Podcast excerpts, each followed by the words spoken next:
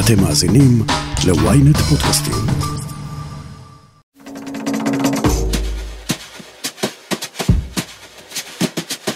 המתח בקואליציה עולה לקראת הבחירות החשאיות לוועדה למינוי שופטים מחר. נתניהו מתמודד מצד אחד עם לחץ חזק מצד שר המשפטים יריב לוין, ומהצד השני עם הצורך לשתף פעולה עם השיחות בבית הנשיא. למה נתניהו מוכן לפרק את הדמוקרטיה בשביל לבחור שני שופטים? לא ניכנס לחדר כשהוועדה לבחירת שופטים לא מונחת על שולחן הדיונים. גם באופוזיציה לא קל, על אף שיעמידו מועמדת אחת מוסכמת, ברור להם שכל חריגה מהנוהג המוסכם בעבר תביא לסיום השיחות. האם בימים הקרובים יסתיים שלב ההידברות בבית הנשיא, או שהרפורמה תלך לעולמה? אני שרון קידון, וזאת הכותרת. מחר בבוקר יתקיימו הבחירות המדוברות לוועדה לבחירת שופטים. אירוע שבעברו היה נסגר במסדרונות הכנסת בין האופוזיציה לקואליציה, הפך לאבן דרך משמעותית על רקע הוויכוח הגדול בחודשים האחרונים על הרפורמה, המהפכה המשפטית. יובל קרני, כתבנו הפוליטי, ידיעות אחרונות, תעשה לנו סדר מדוע הבחירות לוועדה לבחירת שופטים הן כל כך משמעותיות. אז קודם כל הוועדה לבחירת שופטים, כשמה כן היא, היא הוועדה שמורכבת גם מנציגי אה, בית המשפט העליון, מנציגי הממשלה, לשכת עורכי הדין והכנסת, ועדה שמונה תשעה חברים, שלושה אה, נציגי בית המשפט העליון, שני נציגי ממשלה, שני נציגי אה, לשכת עורכי הדין ושני נציגי הכנסת. לאורך השנים האחרונות, זו הוועדה שבעצם ממנה שופטים לכל הערכאות, שכמובן הערכאה המעניינת היא בית המשפט העליון, מי יהיו שופטי העליון. מחר, אה, מה שקורה מחר זה שהכנסת תבחר את אה, נציגי הכנסת בוועדה לבחירת אה, שופטים, כלומר שני חברי כנסת. מה שהיה מקובל בשנים האחרונות באופן די מסורתי, ג'נטלמני אפילו הייתי אומר, לא לפי איזשהו חוק או איזשהו נוהל בכנסת, תמיד היה נבחר נציג של הקואליציה ונציג של האופוזיציה, ולכן ישנה חשיבות מבחינת האופוזיציה במיוחד, שהפעם על רקע השיחות בבית הנשיא וכמובן המשבר אה, בעקבות הרפורמה המשפטית, אה, ייבחר אה, נציג של האופוזיציה. הם רואים בזה סוג של דמי רצינות, לראות איך הקואליציה, במיוחד איך נתניהו רואה את האפשרות להגיע לפשרה בנושא הרפורמה המשפטית. לכן מה שקורה מחר זה ש-120 חברי כנסת באופן חשאי צריכים לבחור שני מועמדים.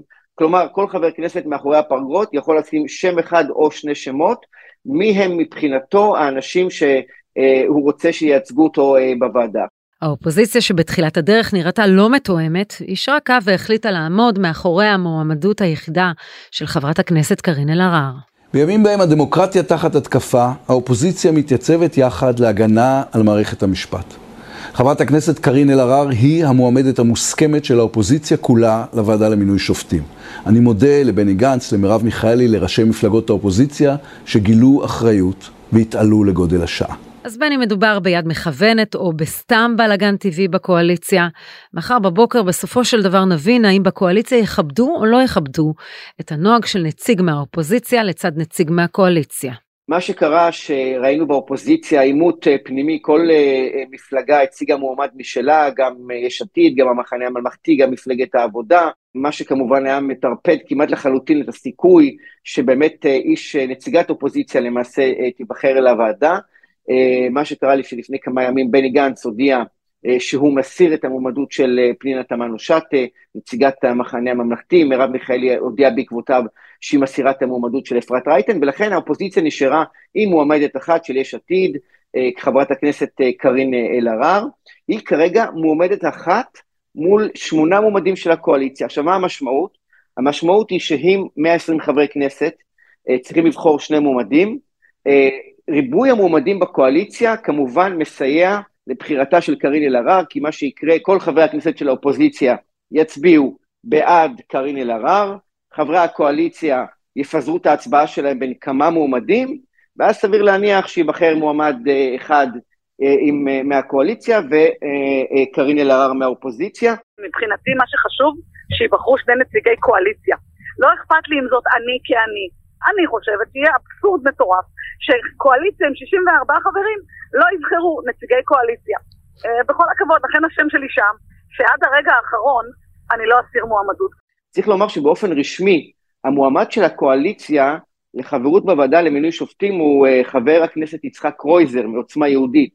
זה על פי ההסכמים הקואליציוניים. לכן, כל השמות בעיקר של ש"ס, uh, חבר כנסת מש"ס וכמובן כל הח"כים בליכוד, הם מועמדים מטעם עצמם. זה לא שנתניהו uh, עכשיו הנדס את זה שיהיו uh, uh, הרבה מועמדים uh, בקואליציה. Uh, מה שקרה שחברי הכנסת בעיקר בליכוד ראו שנתניהו בעצם לא החליט, לא יודע מה הוא רוצה לעשות, האם הוא רוצה אה, לקיים בחירות של מועמד מול מועמדת, ואז באופן אוטומטי שני נבחרים, או שנתניהו טוב לו שיהיה קצת איזשהו בלגן, קצת כאוס בתוך הקואליציה, שכל מיני מועמדים מטעם עצמם ירצו להתמודד, וזה באופן עקיף יסייע לקארין אה, אלהרר אה, להתמודד. אז בין אם מדובר ביד מכוונת או סתם בלאגן טבעי בקואליציה, מחר בבוקר בסופו של דבר נבין האם בקואליציה יכבדו או לא יכבדו את הנוהג של נציג מהאופוזיציה לצד נציג מהקואליציה. עכשיו, אני רוצה לומר פה משהו שהוא בעצם אולי הדבר המשמעותי ביותר. אין לבחירות האלו משמעות אם שר המשפטים יריב לוין ידע שנבחרה ועדה, אבל הוא לא מתכנס לכנס אותה.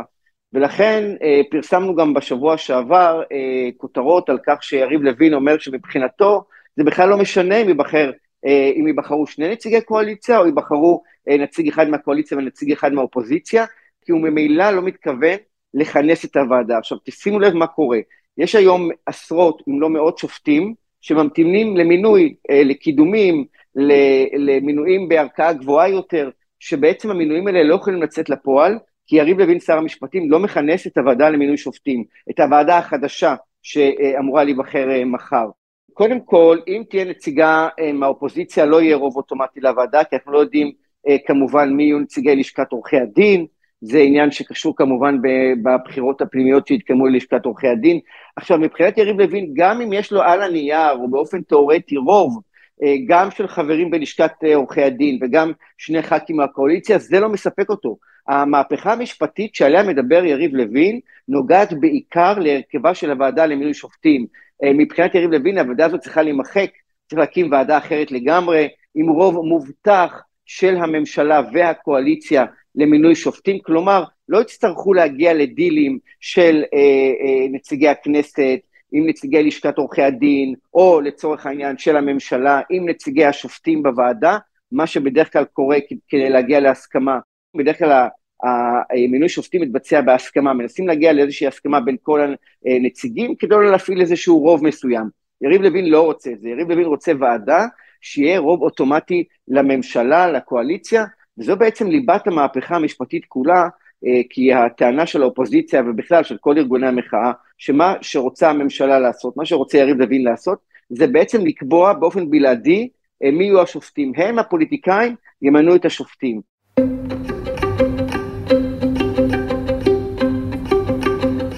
קו השבר של השיחות בבית הנשיא יגיע מחר.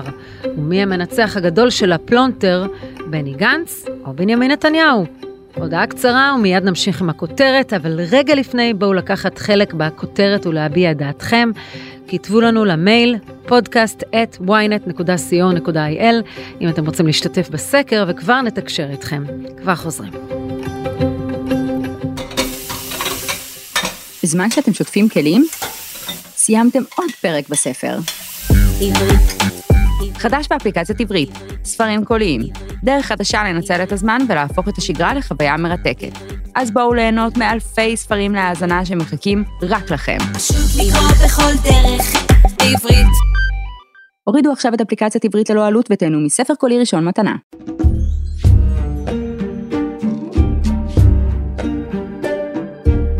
כמו שאמרנו, איש המפתח הוא יריב לוין. גם אם ראש הממשלה נתניהו יכבד את הנוהג, שר המשפטים יכול לא לכנס את הוועדה ולהביא לפיצוץ השיחות בבית הנשיא. ואני אומר לא פעם, ואני אומר גם כאן, שהרבה הרבה מהבעיות ומהעוולות שאנחנו מתמודדים איתן, מקורן בעובדה שתהליך בחירת השופטים נעשה בדרך אה, אה, לא ראויה ופסולה, כפי שהדברים מתקיימים עכשיו, בוועדה בהרכב שלא ניתן אה, לקבל אותו, שאיננו מתאים ואיננו ראוי במדינה דמוקרטית. אבל גם יריב לוין, לדברי מקורביו, נמצא על סף פיצוץ, ויש מי שחושב שהוא יכול ללכת על צעד דרמטי. אני לא מעריך שיריב לוין ישבור את הכלים ביום רביעי, צריך לומר שזה עוד משוכה בדרך לנסות למצוא פשרה בין הקואליציה לאופוזיציה, הוא לא התפטר ביום רביעי, הלחץ הוא דווקא בא מהכיוון ההפוך, מהאופוזיציה, כלומר, האופוזיציה טוענת, בעיקר יאיר לפיד, שאם יריב לוין לא יכנס את הוועדה שבועיים אחרי שהיא תיבחר, זה בעצם מראה שאין טעם לכל השיחות האלה, כי ממילא יריב לוין פועל לבצע אה, מהפכה כלשונם. אה, בוועדה למינוי שופטים, ולכן אה, זה מוכיח שפניהם לחקיקה חד צדדית ולא להסכמות. יריב לוין בעניין הזה באמת צריך לומר, נמצא במצוקה פוליטית מאוד מאוד קשה. הוא יצא עם רפורמה ב-200 קמ"ש, ואז גילה, כמו שגילו הרבה מאוד אנשים בליכוד שעבדו עם נתניהו, שהם אחר כך הופקרו או נזרקו מתחת לגלגלי האוטובוס. יריב לוין בהחלט בעניין הזה נמצא במצב לא טוב. אה, אחד האנשים שאפילו אה, מקורב ליריב לוין אה, אמר לי, הוא, הוא נראה בסוג של דיכאון, אני קורא לזה דיכאון פוליטי, כי אני לא רוצה להיות פסיכולוג ולהחליט אם הוא נמצא באיזשהו דיכאון אישי, אבל הוא בוודאי נמצא בסוג של דיכאון מהמצב שאליו הוא הגיע. הוא דוחף בכל כוחו, יחד עם האגף המיליטנטי בליכוד, של דודי אמסלם, שלמה קרעי ואחרים, ללכת לרפורמה חד צדדית, וזה בדיוק הדבר שנתניהו לא רוצה.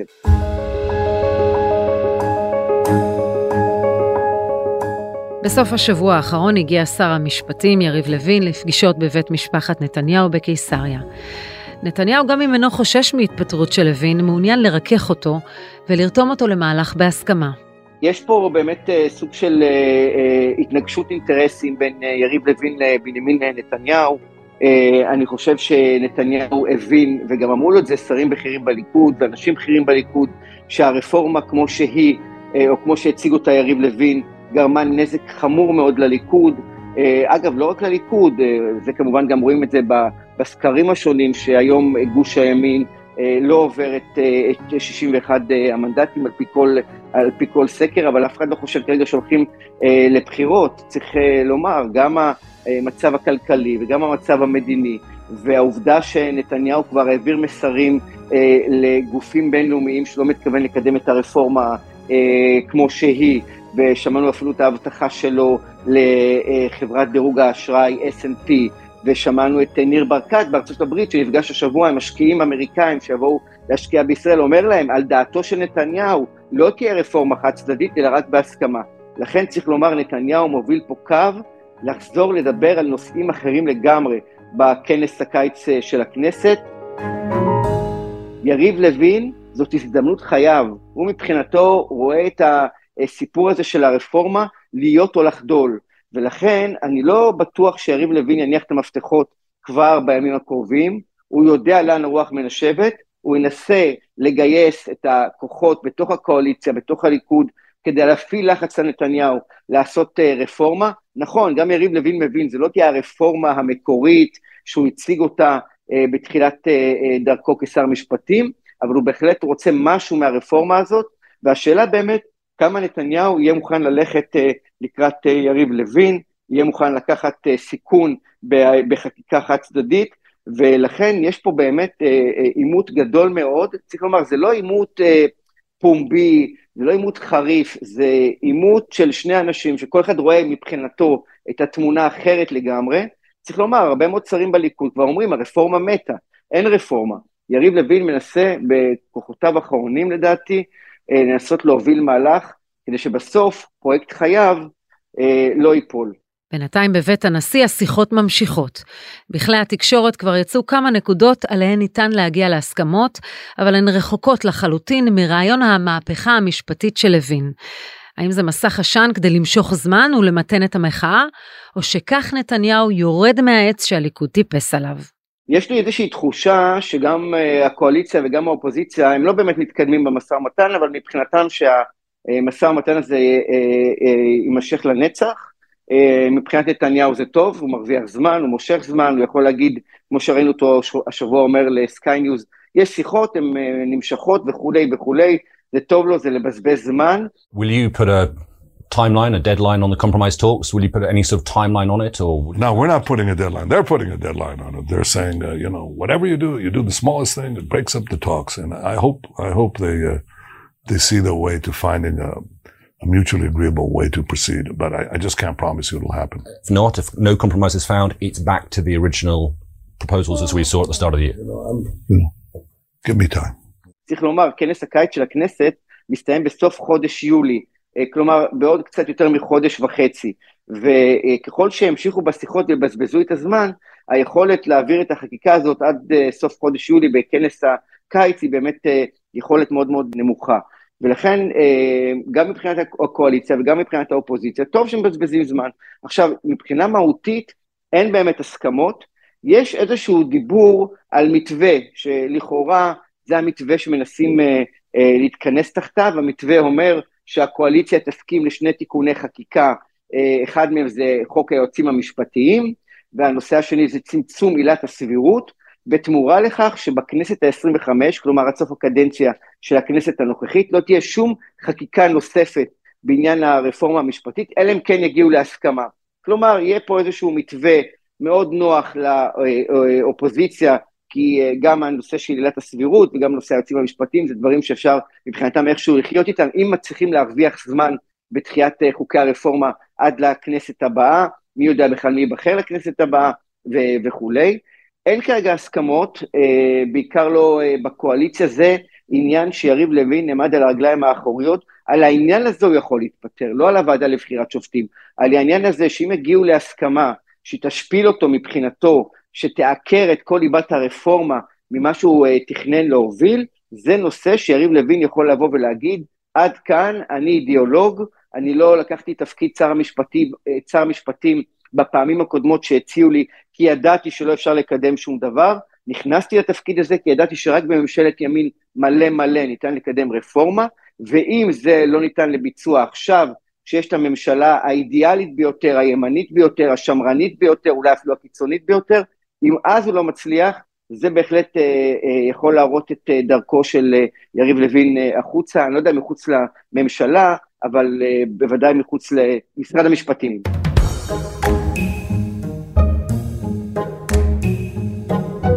לכל אחד מהצדדים במאבק הזה יש מה להרוויח ומה להפסיד. אז בהזדמנות זאת אני שמח לאכזב את אויבינו וגם להרגיע את ידידינו.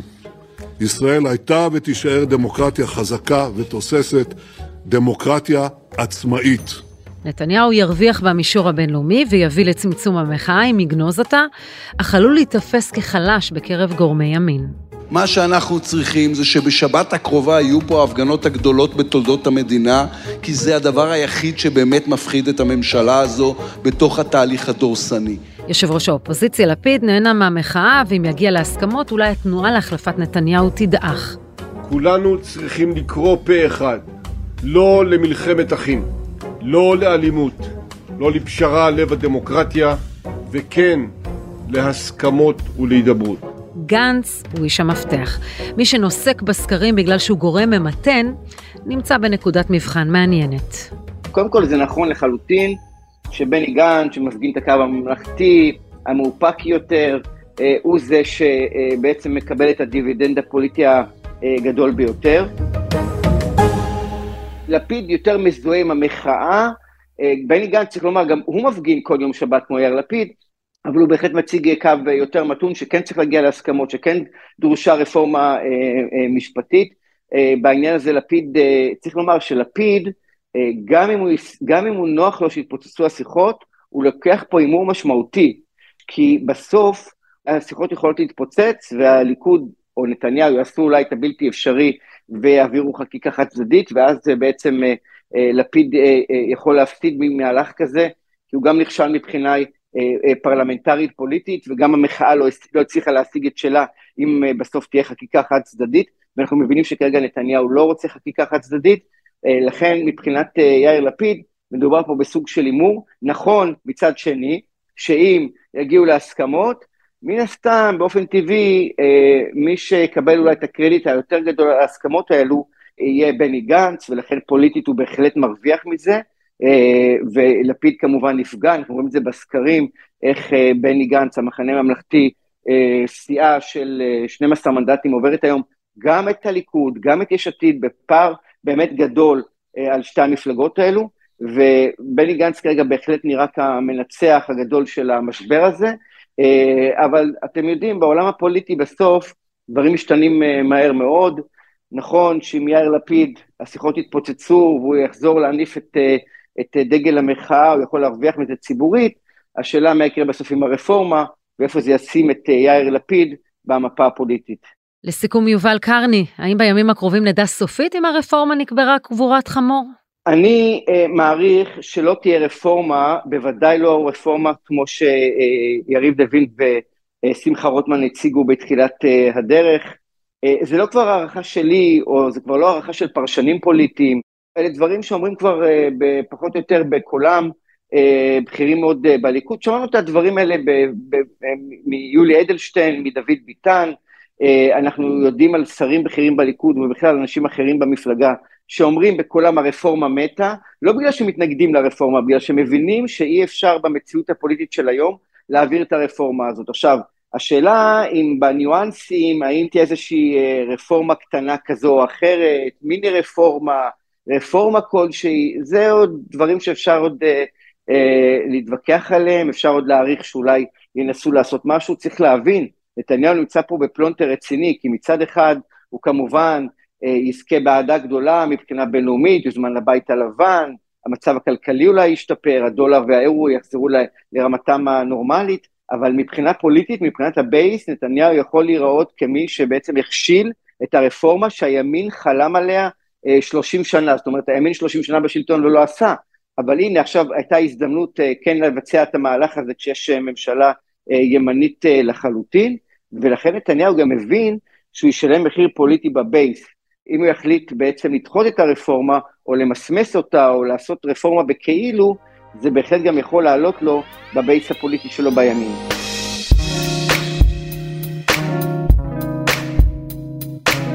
כאן הכותרת להפעם. תודה ליובל קרני, כתבנו הפוליטי בידיעות אחרונות. אתם מוזמנים לעקוב אחרינו בוויינט רדיו, באפליקציה, בנייד וגם ברכב, או איפה שאתם שומעים את הפודקאסטים שלכם. אם זה קורה באפל או בספוטיפיי, אתם מוזמנים גם לדרג אותנו. אני מזמינה אתכם להאזין לפרק שלנו על מה שקורה בליכוד סביב הרפורמה. חפשו את הפרק "המהפכה המשפטית קורעת את הליכוד".